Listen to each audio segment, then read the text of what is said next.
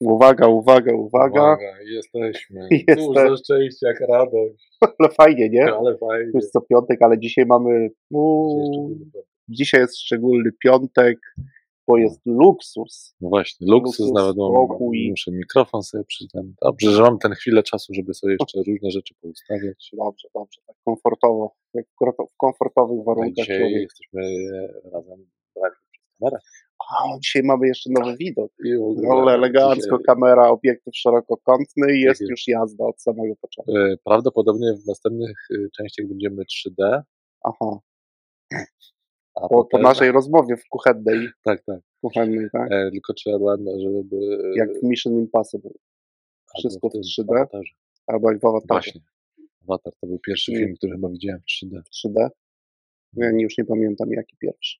To był no, taki pierwsza godzina, to taki odlot. Mm. Pierwsza godzina filmu. Pierwsza godzina, a potem jak zmęczenie, czy raczej już No, takie... człowiek się przyzwyczaiłem. Potem on też był tam już, typ- szło w taką taką historię, która już mnie tak specjalnie nie bawiła, ale ten Mhm. pierwszy moment, jak on poznawał ten świat, był Mhm. główny bohater. I to rzeczywiście w tym 3D, No tak, to wow. no, robiło wrażenie. Ja, nie, ja nie, chyba w ogóle nie widziałem Awatara w 3D, wiesz? Tak, tak, teraz tak kojarzę. No to małe kina. Wolisz. Wolę małe kino. no. No, no. Studyjne. A jak jeszcze jest klub dyskusyjny po, czego już prawie w ogóle nie ma. Ciekawe, Kiedyś. czy któreś kino robi. Kiedyś pamiętam właśnie w, w moim mieście rodzinnym Ełdek właśnie. I kluby studyjne.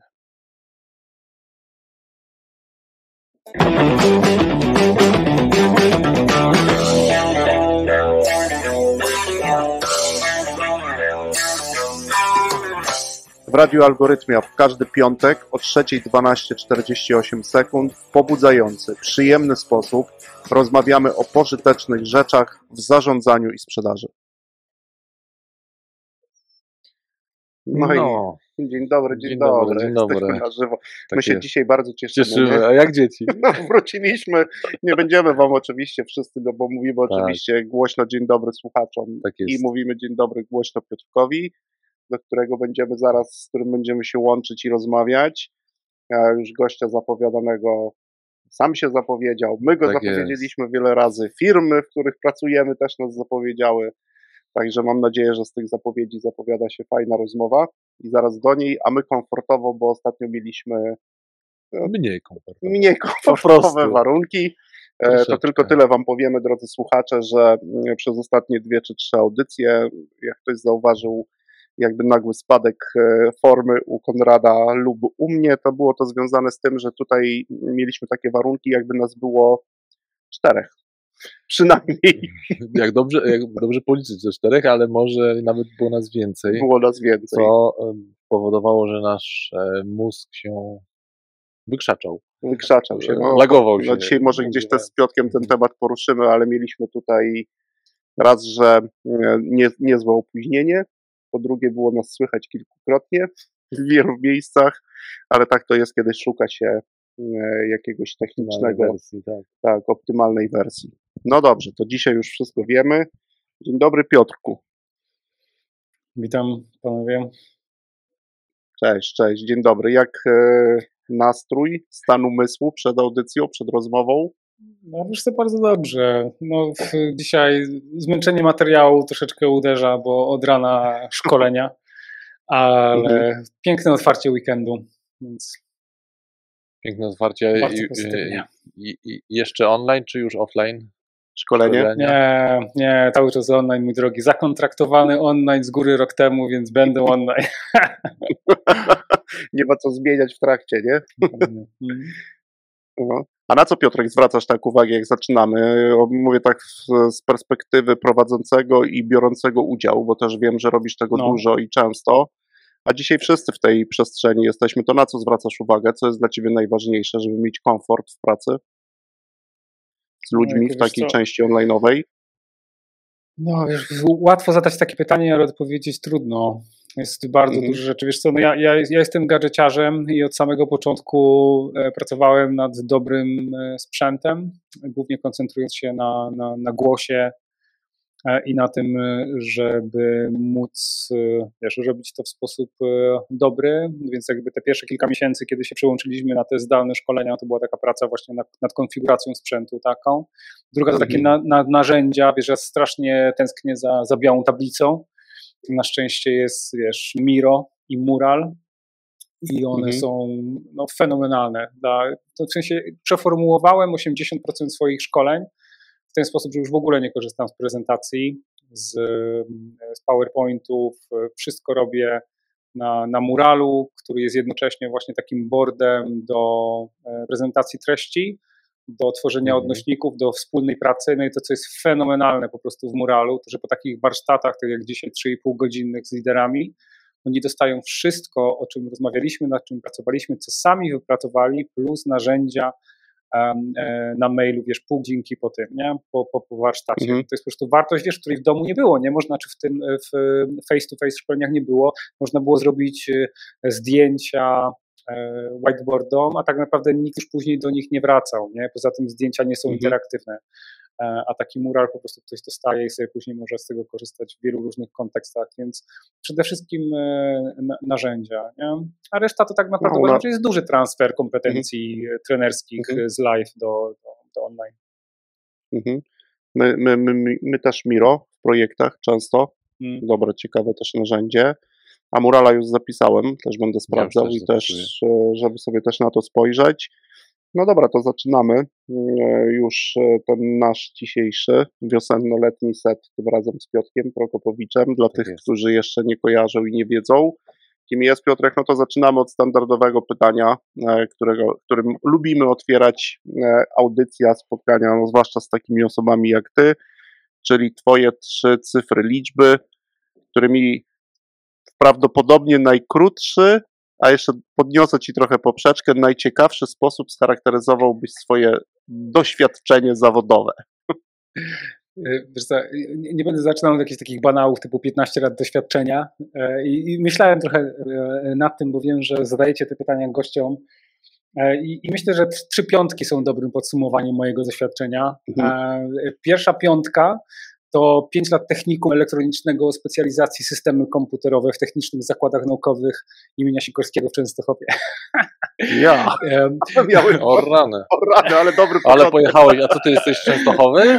Jestem z Częstochowy po pierwsze, po drugie jestem technikiem, elektronikiem e, e, i to jest o tyle ciekawa sprawa, że mógłbym powiedzieć, że 5 lat studiów zdefiniowało mnie zawodowo i to będzie prawda ale mam wrażenie, mhm. że e, pięć lat technikum zdefiniowało mnie jako osobę. E, mówię to autentycznie mhm. serio, to znaczy wiesz, relacje, relacje, które tam zbudowałem, e, przyjaciele, których mam do dzisiaj i osoba, jaką się stałem, wydaje mi się, że ostygła tam. A później to już jest tylko konsekwencja tego, co tam się stało. Więc wydaje mi się, że to jest. Ale wiesz, że to nie naukowe, co teraz mówisz. Ale przepraszam, nie, nie słyszę. Ja też. Mówię, czy wiesz, że to nie naukowe, to co teraz mówisz. To jest bardzo, to jest bardzo naukowe. Moje doświadczenie osobiste jest kryterium oceny naukowości i tego się będę trzymał. A no tak, no to sorry.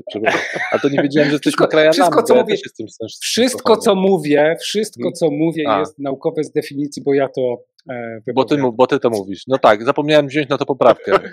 No, Piotrek, tak. a w tej to pierwszej bardzo, piątce, bardzo, jak to się stało? No, mhm. no, no. Jak to się stało, że ty trafiłeś z Częstochowy i z takiej uczelni na Uniwersytet e, Jagielloński? Nie, wiesz co, yy, odkryłem gdzieś tam koło trzeciego, trzeciej klasy technikum, że o, tyle, o ile urządzenia peryferyjne mnie fascynują i fascynowały mnie i do dzisiaj mnie fascynują, i sposób, w jaki działają i to myślenie nigdy mnie nie opuściło, no, to jednak jest coś fascynującego w inżynierii ludzkiej. Ja zacząłem już tak właśnie wtedy mhm. czytać e, dużo filozofii, e, dużo, dużo psychologii społecznej, no i no, no mózg mi trochę rozwaliło, nie? to znaczy, że, że można mhm. myśleć o relacjach międzyludzkich w sposób bardziej systematyczny, no, wizyta w Krakowie, zobaczenie murów uniwersytetu, no to były takie wiesz, pojedyncze ziarna, które później gdzieś tam zakwitły, no i skończyło się, skończyło się w Krakowie. E, mhm. Dru, druga, druga, druga, no, druga, druga piątka y, to, to książki. Tak, tak mhm. myślałem o tym już w sposób taki mniej oryginalny w porównaniu do technikum, że każda z książek, którą napisałem do tej pory, pięciu książek, w jakiś sposób podsumowała jakiś etap mojej pracy. Pierwsza książka, czyli pełna partycypacja w zarządzaniu, to był właśnie okres takiej pracy doradczej z, z Ryśkiem Stockim, który był takim chyba pierwszym moim mentorem, nie chyba, zdecydowanie moim pierwszym mentorem, jeśli mhm. chodzi o obszar y, zarządzania. No i to była książka, która podsumowywała naszą współpracę o, o uczestnictwo, pra, uczestnictwie pracowników w zarządzaniu, która do dzisiaj w sumie dobrze się sprzedaje i cały czas do niej wracam. Mhm. Ale to było takie podsumowanie. No później były takie y, dwie książki y, związane już y, z rekrutacją czyli kompetencyjne testy sytuacyjne i rekrutacja i selekcja oparta na dowodach. I szczególnie ta druga była y, dla mnie ważna, bo to była już książka napisana całkowicie przeze mnie e, i mhm. też jak była wyrażeniem tego nurtu, który od tego czasu mi bardzo mocno towarzyszy, czyli zarządzanie opartego na dowodach. Później mhm. była kultura organizacji, a znaczenie pracy i to był efekt mojej e, pracy nad doktoratem. E, no i to było też takie podsumowanie tego etapu badań, gdzie koncentrowałem się właśnie na relacji między pracą a kulturą organizacji. E, I to było też bardzo fajne, bardzo fajne doświadczenie. No i, no i teraz piąta książka, którą napisałem e, razem z Sebastianem Drzewieckim, dyrektorem zarządzającym Sejbr Polska. Napisałem ją tydzień temu, skończyliśmy Mhm. E, e, czyli, czyli lider e, wystarczająco dobry, no to jest też podsumowanie tych właśnie kilku ostatnich lat, a szczególnie ostatniego roku, jeśli chodzi o moją refleksję i, i badania właśnie nad, nad przywództwem w kontekście e, kryzysu, e, w kontekście niepewności. Um, no. no, i, i, i o, ostatnia piątka to, to chyba miasta, w których zdobywałem E, albo materiał badawczy, albo doświadczenia, albo okay. wiedzę praktyczną. I to było pięć miast, w których po prostu udało mi się żyć troszeczkę dłużej i, i w których ludzie no, do dzisiaj um, mają wpływ na to, na to, co robię. E, no i przede wszystkim jest to Kraków. Zdecydowanie e, Kraków zmienił mój sposób myślenia w ogóle o nauce, o praktyce, o zarządzaniu. Um, ale też Nowy Jork, w którym y, mieszkałem przez, przez dłuższy czas, w którym pracowałem E, w najstarszym na świecie e, magazynie socjalistycznym, mhm.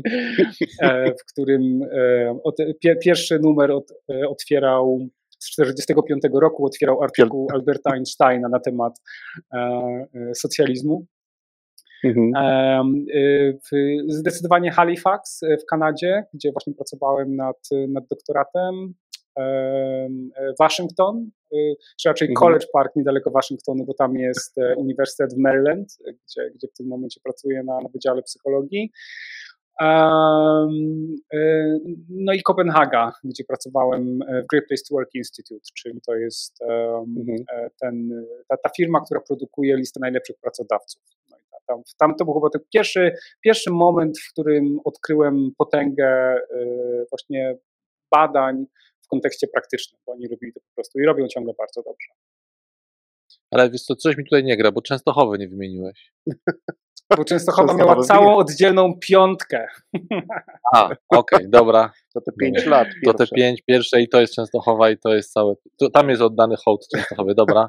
jest, tak. jest Piotrek w tym coś takiego naprawdę mm, e, no, imponującego, że fajnie życie zawodowe przez miejsca i książki ja na przykład dzięki Twojej pierwszej książce, oprócz tego, że no, mam ją jeszcze, to jest drugie wydanie, jeżeli dobrze pamiętam, rok 2012, teraz dzisiaj mamy rok 2021 i teraz y, mogę się przyznać przed Tobą, no absolutnie wiele rzeczy wziąłem sobie z tej książki, bo praktycznie, no i właśnie w oparciu o różne dowody, ale również o tą analizę, którą tam przeprowadzaliście w, w trójkę, bo jeszcze Grzesiek Żmuda, tak, był trzecim autorem, tak. jeżeli mnie dobrze pamięć nie myli, ale na przykład dzięki Tomie trafiłem na tą pracę, no właśnie, no, ty pewnie możesz powiedzieć, Ryszard, ja muszę powiedzieć, chyba dzisiaj już pan profesor, tak? E, mówię tutaj o pierwszym autorze, którego i twoim mentorze, bo mnie bardzo w jego pracy na przykład e, zajmował, zajmowała ta część, która dotyczyła izomorfizmu e, organizacyjnego, czyli czego byśmy nie robili, to i tak się skończy na hierarchii.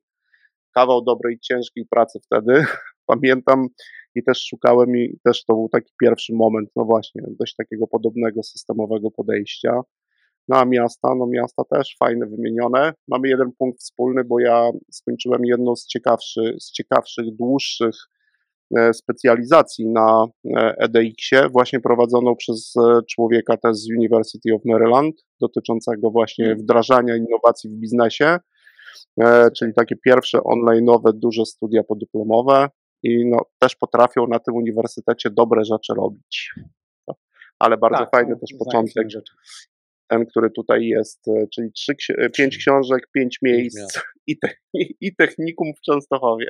I techniką Przede Częstochowie. To ja dorzucę, ja dorzucę oczywiście, bo dla mnie też jedna z Twoich pięciu książek była taką książką bardzo ważną, też w ważnym momencie dla mnie, do mnie trafiła, czyli Mhm. książka oczywiście 33 zasady, czyli właśnie rekrutacja Mhm. oparta o, o, Selekcja. o, o Mhm. e, dokładnie rekrutacja i selekcja. Więc znamienite zajmuje na półce i w zasadzie I jest wciąż. i jest wciąż w użyciu. Nawet nie, nie wiem, czy nie kupię kolejnej, bo już ta jest tak e, zapisana notatkami, że Mhm.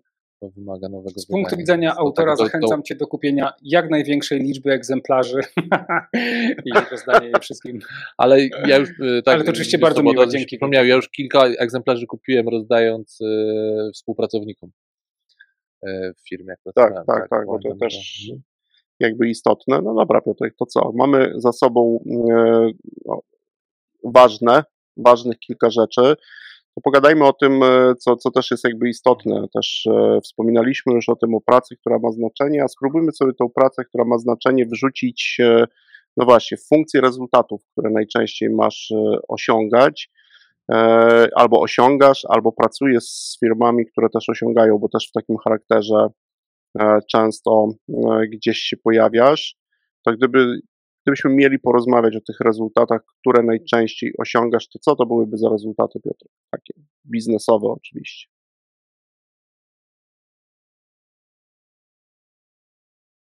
Wiesz, e, e, co, Patryk, ale chyba Cię zgubiłem, nie słyszę Cię w tym momencie. A, nie słyszałeś mnie, tak?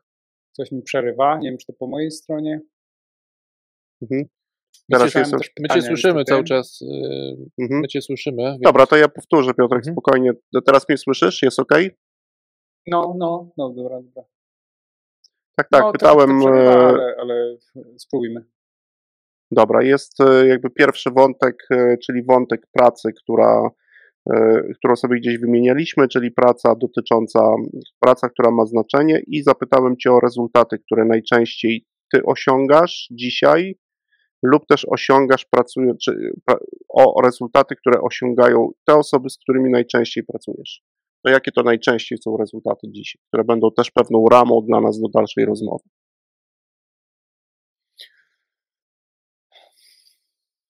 To jest pytanie, na które nie jest mi łatwo odpowiedzieć z kilku powodów. Bo do- dotykasz tak naprawdę y, tym pytaniem samego trzonu tego, czym zajmuję się jako naukowiec. Nie? To znaczy, Mhm.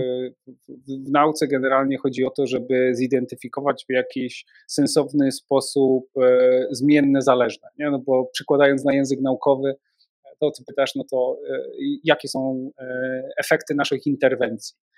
I wydawało mi się, że Mhm. analogiczne pytanie jest w biznesie, nie? czyli jakie masz zmienne zależne interwencji biznesowych, Mhm. z tym, że te rzeczywistości są zupełnie inne. I chciałbym przez chwilkę wyjaśnić, co mam na myśli, bo, bo jak gdyby Okej. będąc zanurzonym jednocześnie w obydwu tych e, rzeczywistościach, wydaje mi się, że mam dosyć taką unikalną perspektywę patrzenia na to. W nauce wszystko Mhm. jest proste. Nie? W miarę. W miarę. Nie? W sensie ch- chcemy, chcemy, nie wiem, zobaczyć, jak wpływa określony styl przywództwa na satysfakcję, albo na ile em, na poziomie narodowym kultura e, narodowa przekłada się na innowacyjność, więc wyodrębniamy te zmienne, mierzymy je i patrzymy, jak, e, jak to wygląda. Nie? Upraszczamy rzeczywistość po to, żeby znaleźć jakiś ułamek prawdy. Nie? W sensie coś, co nas Tak jest. przybliża Mhm. Do, do takiego wniosku, że tak jest naprawdę, albo chociaż jest niskie prawdopodobieństwo, że się mylimy, że taka, takie zjawisko istnieje w rzeczywistości. E, I dlatego lubię praktykę naukową, lubię być badaczem, bo ona pozwala mi dać, e, pozwala mi osiągnąć chociażby na chwilkę takie, takie poczucie, że kontroluję rzeczywistość. Ale później wracam, ale później wracam do biznesu i trosz, troszeczkę się to mi rozpada. Nie? Rozpada mi się to, Mhm. bo y, nawet powiem Ci tak, miałem, miałem kiedyś takie, ja w kontekście biznesowym ja najczęściej mhm. zajmuję się szkoleniami i doradztwem, nie? z czego w większości mhm. szkoleniami. No i e, miałem nawet taką sytuację e, nie, nie, tak dawno, że zwróciła się do mnie firma, duża firma e, ubezpieczeniowa polska, żebym zrobił właśnie takie szkolenia z leadershipu.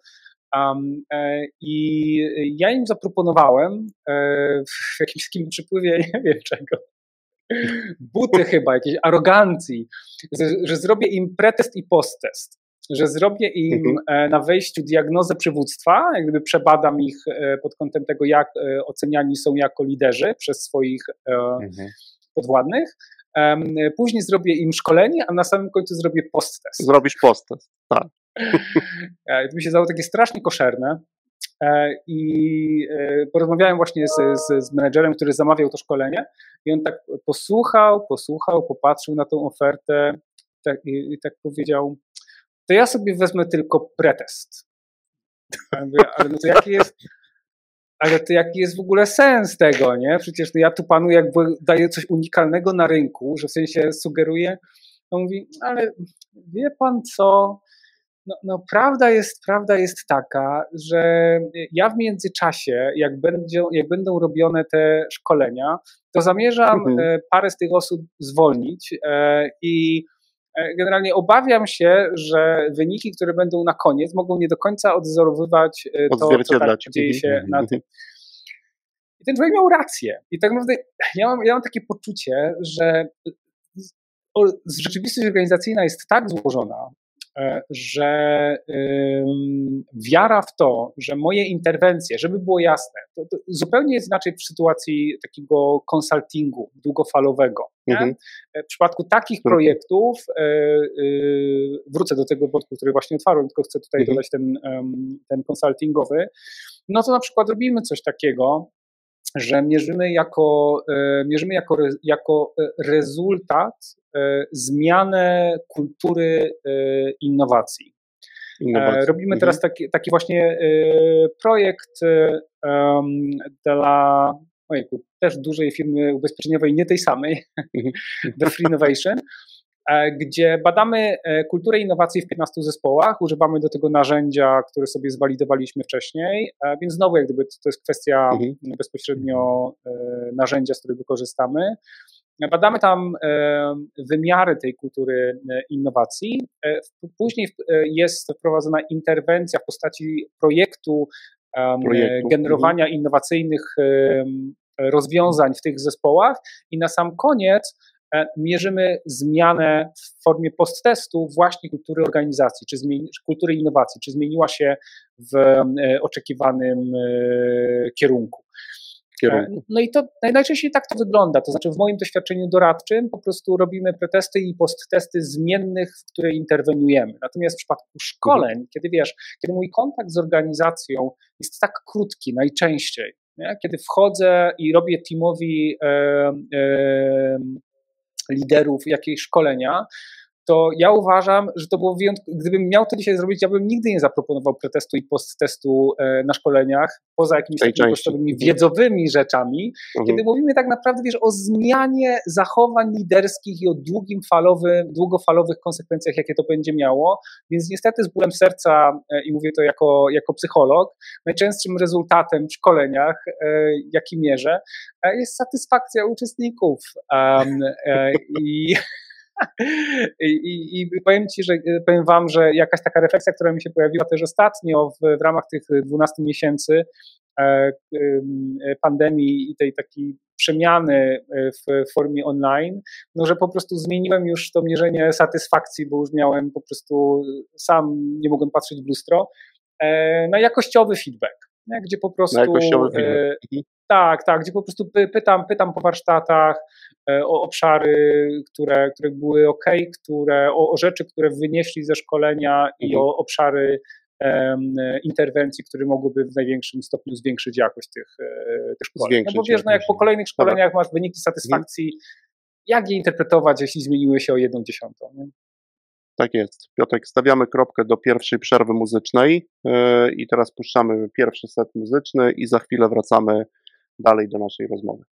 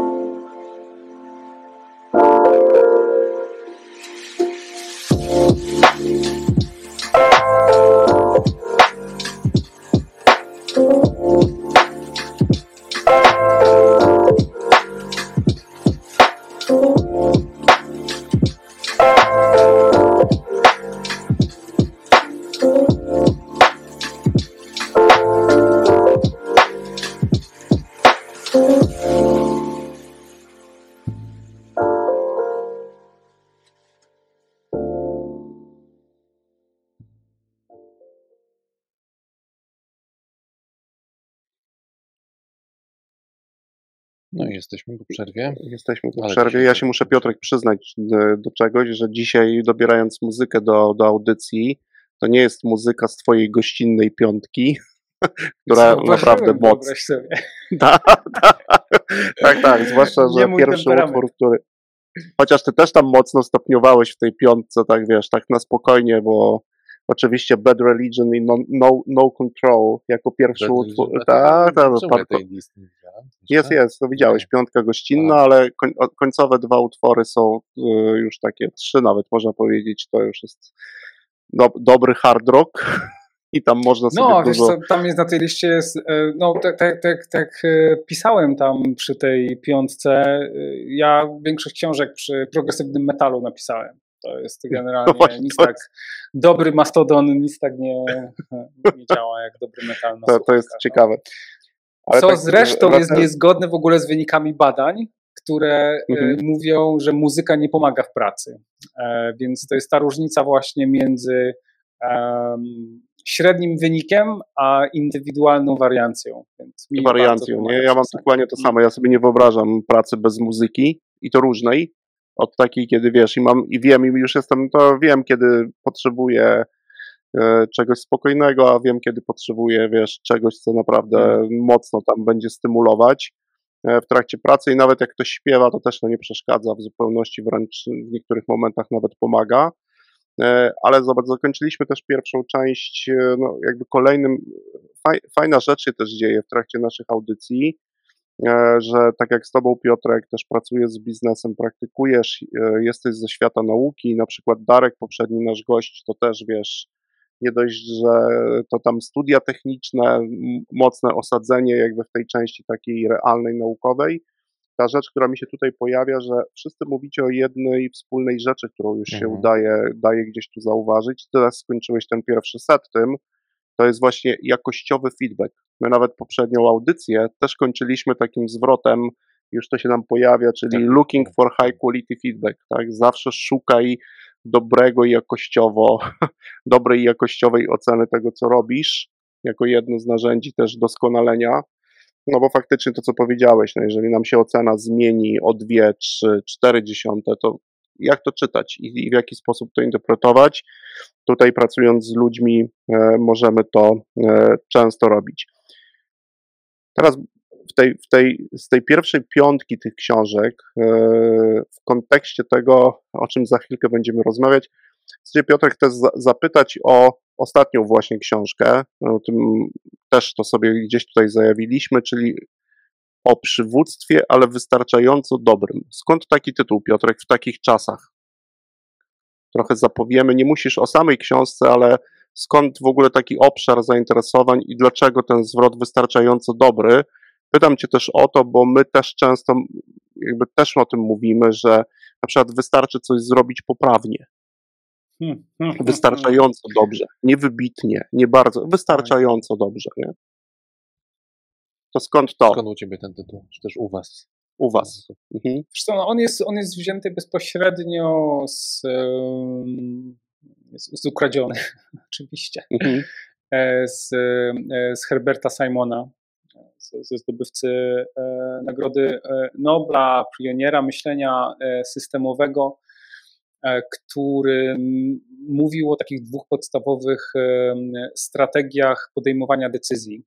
E, Z jednej strony o strategii maksymalizującej, a z drugiej strony o strategii wystarczającej, satisfying. Mhm. I ja zresztą pisałem o tym już, już wstępnie w, w rekrutacji opartej na dowodach, ale to, to była taka myśl, która towarzyszy mi tak naprawdę już od tamtego czasu, czyli właśnie takiej idei, że w złożonej rzeczywistości um, możesz podejmować decyzje na dwa sposoby.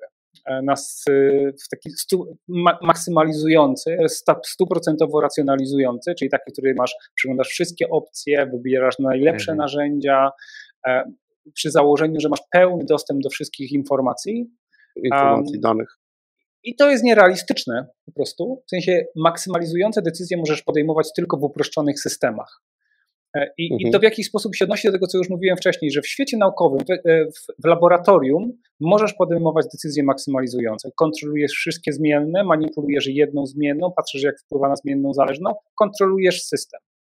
Natomiast codzienna rzeczywistość lidera, codzienna rzeczywistość menadżera to jest po prostu chaos informacyjny i zarządzanie złożonymi systemami, gdzie nie jesteś w stanie zrozumieć i przewidzieć wszystkiego.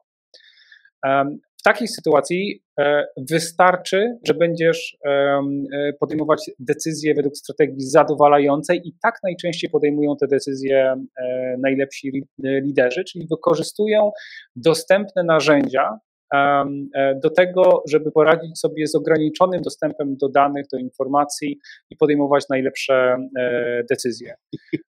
I powiem Ci, że tak, tak w ogóle, że, że tak ciekawa jest dla mnie też ewolucja e, tego, jak o tym myślę.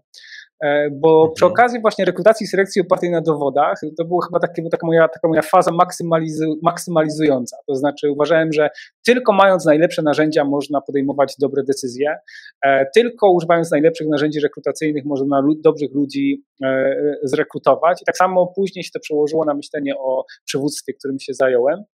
Im dłużej z tym pracuję, tym bardziej dochodzę właśnie do wniosku, że takie myślenie maksymalizujące jest niebezpieczne, że ono fetyszyzuje narzędzia, że, e, że e, prowadzi do tego, że, że starasz się zawsze e, myśleć tak absolutystycznie o, o, o leadershipie na przykład, nie? że możesz, możesz być albo liderem, nie wiem, autentycznym, albo liderem Mm, transformacyjnym albo transakcyjnym, albo podłóż sobie tutaj każdy z 20 typów e, leadershipu, który masz. W tym podejściu e, do leadershipu wystarczającego dobrego wychodzimy z takiego e, założenia, że przywództwo jest pełne paradoksów i mhm. podstawowym zadaniem lidera na co dzień, szczególnie w sytuacji kryzysowej, w sytuacji niepewności, jest wykorzystanie wystarczająco dobrych narzędzi do tego, żeby nawigować między tymi e, różnymi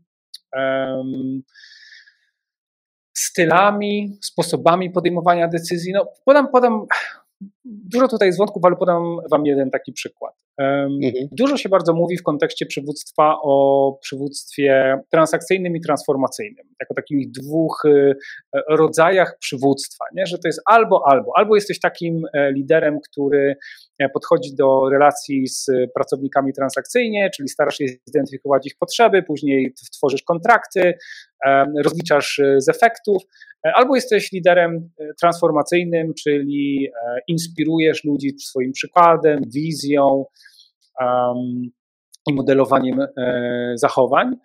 Um, no, i, no, i oczywiście wszyscy jak słuchają tych opisów, to myślą sobie, ja to chcę być transformacyjny, nie? a ja to się widzę jako transformacyjny nie jakiś taki po prostu um, nie tam kontraktowy, nie? Od A do Z. zimny, jakiś transakcyjny lider. A prawda jest taka, że jak patrzysz na badania, e, to okazuje się, że po pierwsze nie ma ludzi, nie ma liderów e, e, czysto transakcyjnych i transformacyjnych. To nie jest albo albo. Po drugie mhm. okazuje się, że te dwa style przywództwa są ze sobą bardzo blisko skorelowane. A po trzecie okazuje się, że najlepsi, że dobry lider ma cechy zarówno lidera transakcyjnego, jak i transformacyjnego. transformacyjnego. To nie jest albo albo, to jest i. E, I to jest tak, w ogóle jednym z przesłań, z przesłań e, naszej książki jest właśnie to, że e, błędem, jaki popełniają często liderzy, myśląc o leadershipie, to jest właśnie to, że muszą, że jest jakiś jeden wytrych, że jest jakiś jeden klucz, który sprawi, że będziesz mhm. dobrym mhm. liderem. To jest po prostu bullshitem, bardzo użytecznym w sprzedawaniu książek, na przykład, nie? No bo jeśli masz jakąś jedną odpowiedź na pytanie, które wszystkich nurtuje i możesz ją ładnie opakować, to to, to, to się przydaje, ale od prawdy jest to dalekie. Naj, no, nie, no tak, no bo, bo ludzie szukają prostych odpowiedzi. Nie? Natomiast rzeczywistość taka Messi, po prostu codzienna rzeczywistość liderów jest taka, że muszą elastycznie dostosowywać swoje zachowania do kontekstów um, i wybierać zachowania z różnych um, stylów um, przywództwa, bo każdy z nich ma coś wartościowego do zaoferowania. I takie e, i, i gdzieś tam też ewolucja w stosunku do pierwszej książki, gdzie tak naprawdę odpowiedzią na wszystko jest partycypacja. Partycypacja, tak, tak. Masz problem partycypacja. Nie słyszałem, co powiedziałeś, tak, ale tak. odpowiedzią jest no, partycypacja. No, zaangażuj i róbmy to razem, nie? Mhm. No, no, gdzieś, gdzieś tam e, przez te, przez te wszystkie lata bardziej mi się to zniuansowało w pracy z różnymi właśnie liderami i menadżerami. Dostrzegłem, że te, e, że te wzorce są troszeczkę bardziej skomplikowane e, i sztuką jest wykorzystywać te dowody i narzędzia, o których wiemy, że są skuteczne, adekwatnie do, do, do kontekstu. Mhm. No to Piotrek, no to poruszyłeś kilka no, mega istotnych wątków, wątków. Mega, mega, mega, ciekawych. Ja spróbuję mimo wszystko przynajmniej wyłuskać jeden. Wyłuskać. No po pierwsze to ten wątek, który powiedziałeś, że, że sam w swoich takiej właśnie łączeniu tej pracy zawodowej, mówię o takiej zawodowej pracy z menadżerami, ale też tej naukowej, e, no to oczywiście jest moje słowo, ale gdzieś jak zrozumiałem, że byłeś bardziej ortodoksyjny i bliżej do takiej nauki, a, a, a teraz powiedzieli, że troszeczkę już nie to, że odchodzisz od nauki, no ale że już na przykład nieco inaczej patrzysz na swoją chociażby książkę o 33 zasady tak, rekrutacji i selekcji. No, ja chciałem Cię dopytać o to, czy, czy to przypadkiem nie jest też tak, że to właśnie ten Twój no, wciąż jednak mocno naukowy, ta, ta naukowa część jednak e, nie, Częstochowy? Niekoniecznie już, nie, już tak usłyszałem, że to jednak Częstochowy jest tożsamościowa.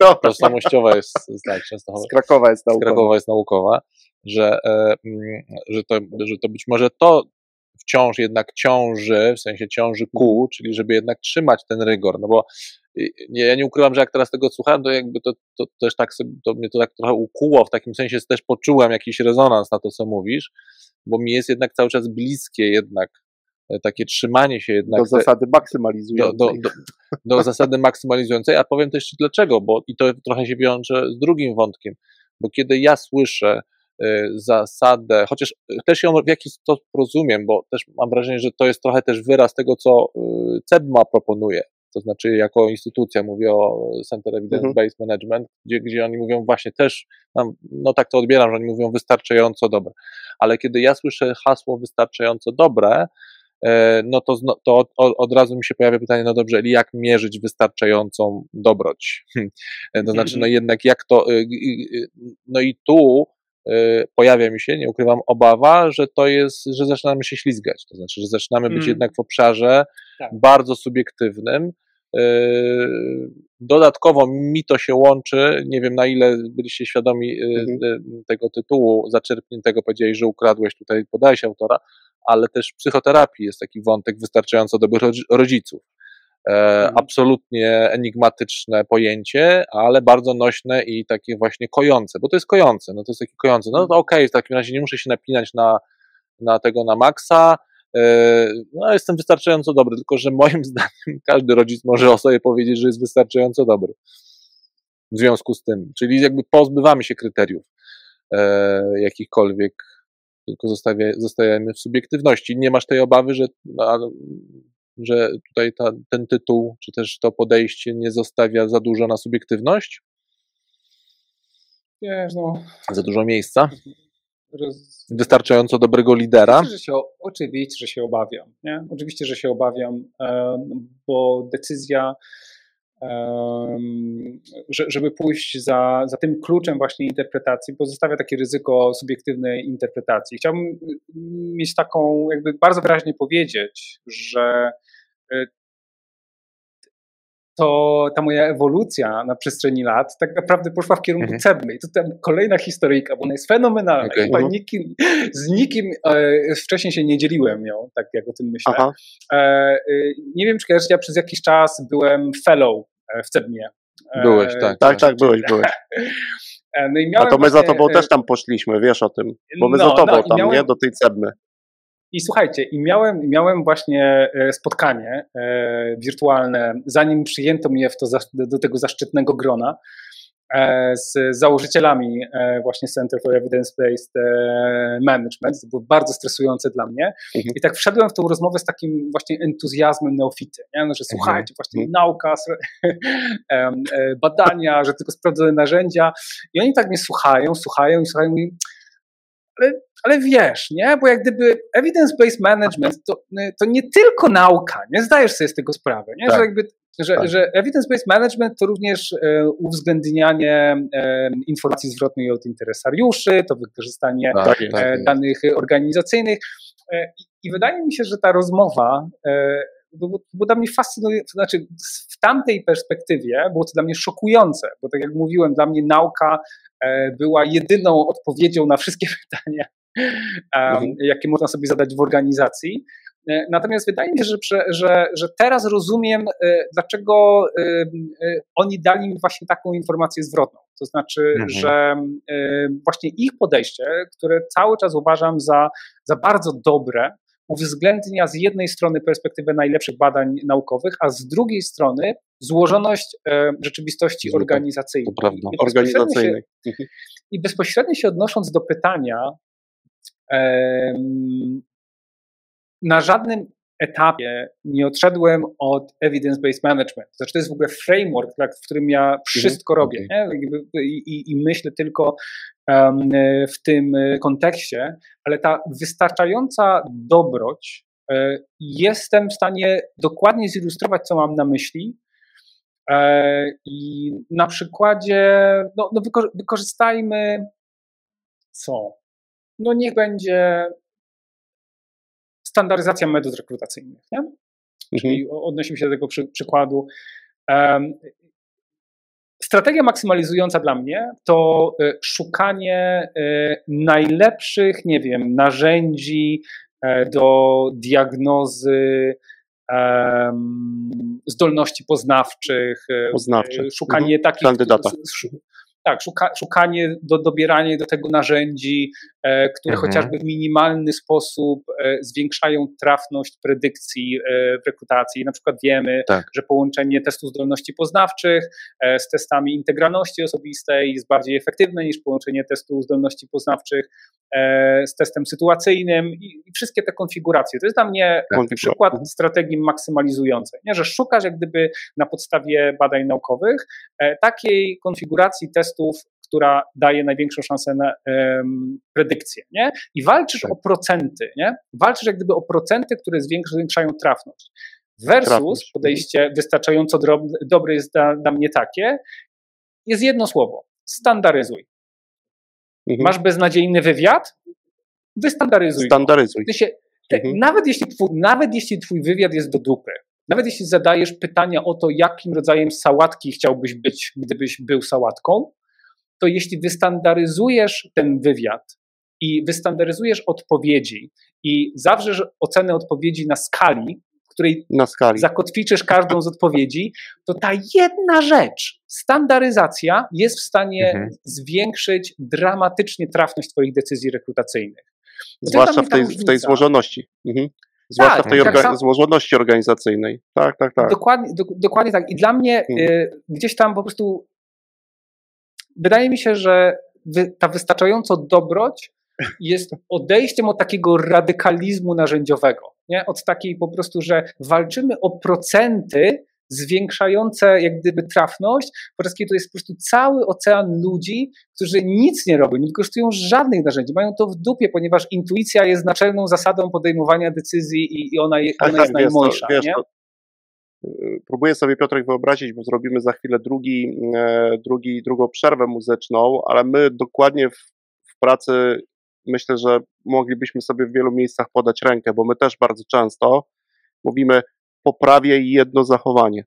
Jedno, które ma pewne właściwości, dokładnie to też często brzmi standaryzuj, doskonal tylko tą jedną rzecz w tej złożonej tak, e, organizacji albo w złożonej rzeczywistości organizacji, zobaczysz, jakie ci to może przynieść efekty i z reguły bardzo dobre efekty. E, zaraz do tych wątków wracamy po drugiej przerwie muzycznej e, i no to co, to zagramy. Zagramy. To zagramy. Chociaż mam pomysł na standaryzację sałatek.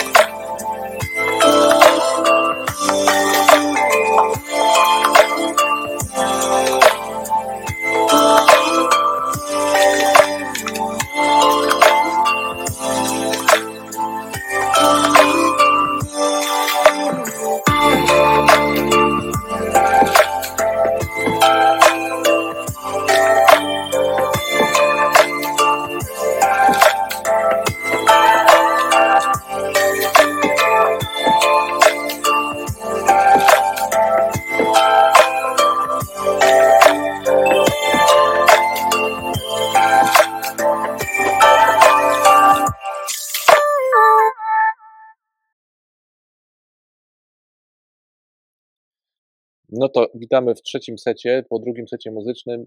Piotr, a co ty powiesz, gdybym zrobił taką standaryzację testu i z tą No. sałatką, żebym powiedział No. tak sobie, że jak ktoś powie, że będzie sałatką i będą tam, będzie zawierał ziemniaki, to 5 punktów, jak ogórki to 3, jak marchewkę to 1. Dobry trop? No to absurdalnie brzmi. Wiesz, to jest dokładnie odwrotna kolejność e, miałaby sens. Um, Że marchewka pięć? Oczywiście, że tak. Każdy wie, że marchewka jest za pięć.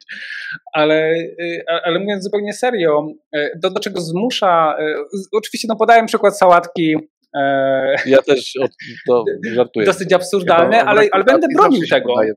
Nie, ale ja będę bronił tego. To znaczy w tym sensie, Mhm. że standaryzacja, nawet tak najgłupszego, wybrałem najgłupsze możliwe pytanie, jakie można, ono ciągle jest zadawane. Mam, wrażenie, że macie, to, macie tego świadomość, że, że cały czas ono pada na Niestety wywiadach mamy. Ale nawet, tak naj, nawet to najgłupsze pytanie, jeśli zmusisz się do standaryzacji, e, to e, robi dwie rzeczy. Po pierwsze, e, y, daje ci możliwość porównywania odpowiedzi między kandydatami. Mhm. Oczywiście to samo w sobie nie jest Kandydatami, tak jest. wartością, Mhm. ale jednym z największych problemów właśnie y, głupich pytań rekrutacyjnych jest to, no, żeby, że, że, że e, no, nie masz w ogóle możliwości porównywania odpowiedzi kandydata A z kandydata B. Nie? Jak standaryzujesz B, odpowiedzi, tak jest. przynajmniej możesz to Już zrobić. nie mówiąc o jakimkolwiek wzorcu, do którego miałbym porównywać. Tak, ale druga rzecz to jest właśnie ten kluczowy moment, którego tak dużo w ogóle firm nie robi, e, czyli zadania sobie pytanie, ale dlaczego jeden za to, a pięć za to? Za to jest mhm. dla mnie ten kluczowy moment, kiedy organizacja moment, musi sobie tak. zadać pytanie, ale dlaczego to jest pięć? Jesteś, czemu marchewka? Dlaczego to jest nie? dla nas ważne, żeby to były ziemniaki? Nie? Tak. Tak. Tak, I, i ta standaryzacja, ten proces myślowy, ja widzę, że otwiera bardzo często ludziom e, klapki. Nie? To podałem przykład sałatki, ale znacznie częstym, rzeczywistym e, przykładem e, takiego pytania jest pytanie o tak zwane dopasowanie kulturowe. Nie? Mhm. E, I, no i pytanie, co to tak naprawdę znaczy? Nie? I ludzie mają wtedy jakieś pytania, gdzie zadają, zadają pytanie, jak lubisz pracować, albo nie wiem, co, co, coś podobnego. I kiedy zmusza się ich do standaryzacji, to zmusza to mhm. ich do odpowiedzi na pytanie, dopasowanie kulturowe, czyli co? Co? Do jakiej kultury nie? oni są dopasowani i dlaczego ta odpowiedź to jest pięć, a ta odpowiedź to jest trzy? I znowu, nie można szukać okay. tych idealnych narzędzi, ale sam ten proces, do którego to zmusza, nie wiem, rekruterów, hiring managerów czy liderów, jest tego warty. Nie? Że I wtedy mhm. mamy jedno, prosto, jedno proste rozwiązanie, gdzie, które nie wymaga od ludzi, nie wiem, uświadamiania sobie tego, co, czym jest, nie wiem, trafność addytywna. Nie? Wystarczy, że mhm. skupią się na tej jednej rzeczy, na standaryzacji, i to jest w stanie mieć szybkie, konkretne i daleko idące e, rezultaty. Nie? I to, to miałem na mhm. myśli. Jasne, tu tutaj e, oczywiście pełna zgoda, ja z tym sałatką trochę, e, trochę też prowokuję, ale absolutnie taki, to bardzo ciekawa historia o tej Cebmie, którą się podzieliłeś tutaj z nami. Dla mnie Cebma, o której też już Tristan powiedział, że my tak trochę za, za tobą poszliśmy też do Cebmy i tam trafiliśmy. No uczymy się, uczymy, uczymy się, się teraz, mhm. tak.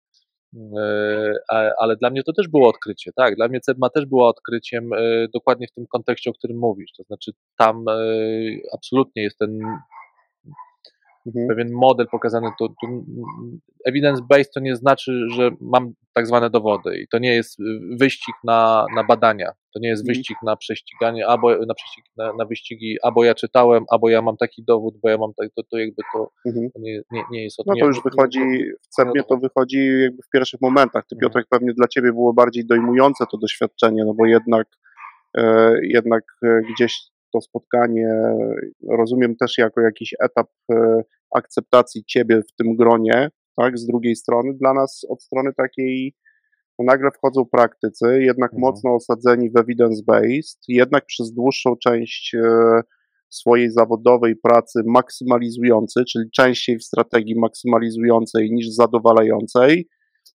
no i też często, dzisiaj już trochę mniej, bardziej praktycznie, ale zdarzyło nam się z Konradem niejednokrotnie wojować na polu e, jakby evidence-based management. Wojować to znaczy mocniej zaznaczać niektóre rzeczy, pokazywać badania i, tu w, i nagle właśnie wiesz, w CEBie pojawia się ta druga perspektywa, ale jeszcze zwróćcie mhm. uwagę na to, zwróćcie tak. uwagę na to, jak tych jest rzeczy. Tu Piotrek bardzo ważne rzeczy poruszasz, jakby ja sobie zanotowałem teraz z tej rzeczy, w kontekście też pytania, które zadajemy, czyli no właśnie, co robić, albo co powinieneś robić, drogi menadżerze, by zrobić, tak, czyli by osiągnąć. Z tego, co powiedziałeś, zanotowałem sobie dwie rzeczy, e, które są dla mnie bardzo istotne, to znaczy standaryzuj, by móc porównać. Nie mówię tylko o rekrutacji, ale stan A ze stanem B, albo na przykład stan B ze stanem C, to to jest e, rzecz, którą sobie wynotowałem. I druga rzecz bardzo ważna, to znaczy, no właśnie, dlaczego, jeżeli już będziemy to standaryzować, to dlaczego w tej standaryzacji pewnej cesze przyznamy, czy wartości, właściwości przyznamy 30%, mhm. innej 20%. I to też jest bardzo ciekawe. Po pierwsze, że w ogóle definiujemy sobie i nazywamy wiele rzeczy po imieniu, co też już dla organizacji jest istotnym, a potem już no, ocena tych elementów ma bardzo duże znaczenie. A gdybyś jeszcze do tego miał coś dodać, masz takiego, wiesz, my mamy taki zwyczaj, opowiadamy o nim, że my sobie zabraliśmy menadżera ze sceny, takiego naszego menadżera tutaj, posadziliśmy go na widowni i na tą widownię zapraszamy naszych gości. I on siedzi obok ciebie i Piotrek zadaje ci pytanie: Piotrek, co ja mam robić? Jestem takim 10-15-letnim 15-letnim w kontekście doświadczenia zawodowego menadżerem. Patrzę ci w oczy, bo dzisiaj masz czas tylko dla mnie i zadaję ci pytanie. Piotrek, co ja mam robić, by robić? Co do tego byś dołożył, Piotr? Jedną z rzeczy, które cały czas odkrywam i które cały czas mnie e, zaskakują w kontekście przywództwa, to że większość najważniejszych rzeczy na temat jego efektywności zostało powiedzianych w latach 40. Mhm. I um, to, jest, to jest kolejny duży temat. Um, szczególnie w kontekście przywództwa, i, i o tym też piszemy w książce, e, że rewolucja w, w przywództwie i, i, w zarządzaniu, której potrzebują e, nasze organizacje, nie jest rewolucją, która musi się zdarzyć e, na poziomie, nie wiem, że musimy się czegoś jeszcze dowiedzieć na temat tego, co działa, że, mm -hmm. że czegoś, co jest dla nas niejasne, że potrzebujemy um, jakiegoś nowego wytrycha, który nam coś e, załatwi. Nowy, tak? Tylko, tak, tylko de facto, no, no, wiecie, wiecie no, no, są te paradygmaty cały czas wymyślane, nowe, one mają różne kolory, tak. E, I, e, i, Pakowywanie pudełek, tak, tak naprawdę. I to, i to jest, tak, i to, i to, jest, to jest niewiarygodne, bo jakby, jakby ktoś wrócił do Kurta Luina i do jego badań um, z Iowa albo do badań z, mhm. z Ohio State nad, nad przywództwem, wiecie, nie wiem jak wam to powiedzieć, ale tam już zostało wszystko powiedziane. Nie? To, powiedziane. to znaczy na temat, na temat dobrego przywództwa e, zostało powiedziane praktycznie wszystko już w tamtych badaniach e, i to bym radził liderowi i menadżerowi, żeby zamiast koncentrować się właśnie na, na, na tych wszystkich nowinkach, paradygmatach, kolorach, frameworkach, holokracjach i po prostu tych wszystkich, wrócić do fundamentu tego, czym jest e, dobre przywództwo. I e, na przykład e, Ohio State Studies na temat przywództwa mówią, że dobre przywództwo to są de facto dwie rzeczy, które powinien robić lider. Po pierwsze, to jest inicjowanie struktury, czyli budowanie mhm. takiego kontekstu działań dla zespołu, który pozwoli im podejmować najlepsze decyzje e, z wykorzystaniem swoich kompetencji, a po drugie to jest okazywanie troski. Nie? Czyli jak gdyby wspieranie e, zespołu indywidualnie i, i, i, ich potrzeb. To jest trudne do przetłumaczenia, bo to jest po prostu manifesting consideration. Nie? To jakby trzeba i, i to, to są te to dwie tak, rzeczy. No... Jeśli lider robi dobrze te dwie rzeczy, to jest jakby trochę pozamiatane, nie? I te mhm. wszystkie zaczynania od dlaczego, nie? To też to jest super, nie, nie, nie, nie zrozumcie mnie źle, ale to są jak gdyby didaskalia wobec tego, co jest fundamentem działania e, lidera, nie? Trzeba zacząć od, od, y, trzeba zacząć od dlaczego i jeść ostatnim. Nie wiesz tego? No tak, tak. Jest to Piotr, kolejna Ale nie można jednocześnie jeść i zadawać pytań, Konrad. Nie można pytań. Ale najpierw trzeba zadać sobie pytanie dlaczego, a potem trzeba jeść ostatnim. Ale poczekajcie, no. bo jeszcze trzeba jeść sałatkę przyrządzoną wcześniej metodą zadowalającą po wystandaryzowaniu. Tak, tak. Ja tylko chciałem powiedzieć, że dzieje się w, w kolejnej rozmowie, Piotrek, bardzo ważna rzecz, e, którą ty też podkreślasz to samo zrobił też Darek e, w poprzedniej audycji, czyli sięganie po naprawdę rzeczy, które już kiedyś ktoś zrobił, zbadał. E, no i one najczęściej gdzieś właśnie mają ten kilkudziesięcioletni już dzisiaj staż i faktycznie też tak jest, że my nawet wstępnie, też w poprzedniej audycji rozmawialiśmy o lekturach z lat 40. Akurat poruszaliśmy sobie trochę w innym aspekcie E, pracę Hajka, ekonomisty, tak, na temat porównań różnej kultury liberalnej, w ogóle liberalizmu z socjalizmem przez chwilę. E, ale tutaj też mówisz, no jest jakby to, co też powiedziałeś mm, temu menadżerowi, my to, dlatego tak się uśmiechnęliśmy, aż tutaj nas podnio, podniosło, tak. bo my jakby dokładnie powtarzamy te same rzeczy, wiesz, tylko my też mówimy właśnie, warunki do podejmowania decyzji optymalnych, ale w tej sytuacji, czyli mówimy optymalnych sytuacyjnie, wtedy, kiedy możesz je zrobić. A druga rzecz jest taka, no właśnie to, co powiedziałeś, manifestation y, to, to consideration, tak? To jest jakby tutaj ta, ta rzecz, a my, troska, a my mówimy często, bądź życzliwy po prostu w stosunku do ludzi w każdym swoim działaniu. E, I, I to jest też rzecz, którą my obserwujemy w wielu miejscach też, w których e, gdzieś e, coś wspólnie robimy, że to ma bardzo do, dobre przełożenie na, na to, co osiągamy i w jaki sposób osiągamy. Hmm? Mega ciekawe. I są na to dowody, są na to dowody, żeby było jasne. Nie mówimy, o, nie, nie, mówimy, nie hmm. mówimy o czymś, co, e, nie wiem, przeprowadzono raz, to nie są jedne badania, tylko metaanalizy później prowadzone wiele dekad po oryginalnych badaniach e, Ohio State potwierdzają Ohio. E, przemożny wpływ tych dwóch czynników na efektywność zespołów i indywidualną pracowników. Mhm. Piotrek, a już tak pewnie trochę na, na, zakończenie, ale takie pytanie, które... W tej części, bo będziemy ekstra tak, też mieli, to pociągniemy. Tak, mhm. ale, ale tutaj, no bo no bo właśnie, ty też y, y, y, z menadżerami wciąż, że tak powiem, przebywasz i pracujesz z nimi i, i, i, i, i ich też szkolisz. Bo to, co wszystko, co powiedziałeś, to no my sobie to nazywamy, mm. zresztą sami się trochę tak z tego śmiejemy, że to, co mówimy, że to są jakieś taki, wiesz, taki old school. No i teraz ty z takim old schoolem, no mówiąc wprost, wyskakujesz. Mówisz, wiecie, w 40 latach już wszystko zostało powiedziane. Ale my też to, tak robimy. My, tak, my to robimy. Tylko teraz, a jak, jak się podzieli taką refleksją, no ale jak ty rozumiesz to, że wciąż i wciąż jednak wśród menadżerów jest jednak, czy w środowiskach, w którym menadżerowie pracują, że jest to, no nazwę to parcie, czy jakaś chęć szukania jednak tej nowości, ta, ta, ten pociąg, ten, ten, ta pogoń wręcz do tego, że to jednak musi być coś takie, wiesz, takie wow, mm, że to taki, no, wydaje mi się, że to jest w ogóle, wiesz, no niesprzedawalne, no wiesz, słuchajcie, tak, w latach 40 wszystko powiedzieli, no tata rata, no. A teraz idźcie do domu. Swój... Co? No.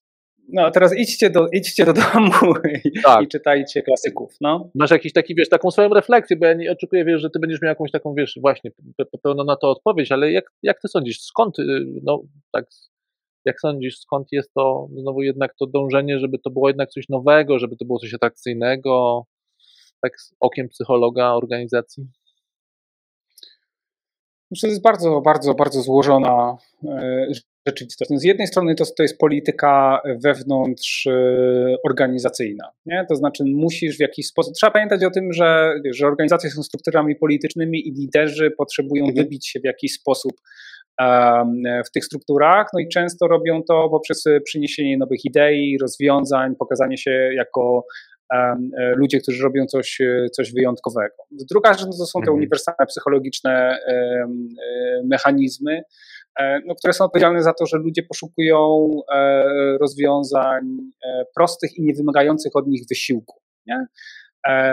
Bo, te, bo te, te, te tradycyjne rozwiązania, nie? które te, prace i, i programy badawcze mhm. klasyczne mhm. oferowały, one wymagają dużo pracy od, od, samych, od samych liderów. Nie? To jest jak gdyby wtedy takie mhm. bardzo, no one są proste na zasadzie wniosków, ale de facto pociągają za sobą bardzo daleko idące e, wymagania, nie? Mhm. bo bez liderów i zawsze wygra to rozwiązanie, które e, e, jest proste i mówi ci de facto nie musisz robić dużo więcej niż po prostu skupić się na tej jednej konkretnej rzeczy. Ale wydaje mi się, że z jednej strony to jest, to jest jakby gra takich rynków, nie? Pól. Z jednej strony rynek mhm. publikacyjny, wiesz, w nauce jest to samo, nie? No, spoiler, nie? Mhm. W nauce jest to samo. Mhm. Na zasadzie, wiesz, cały czas ludzie wymyślają nowe konstrukty, e, wiesz, ile jest rodzajów leadershipu na miłość boską?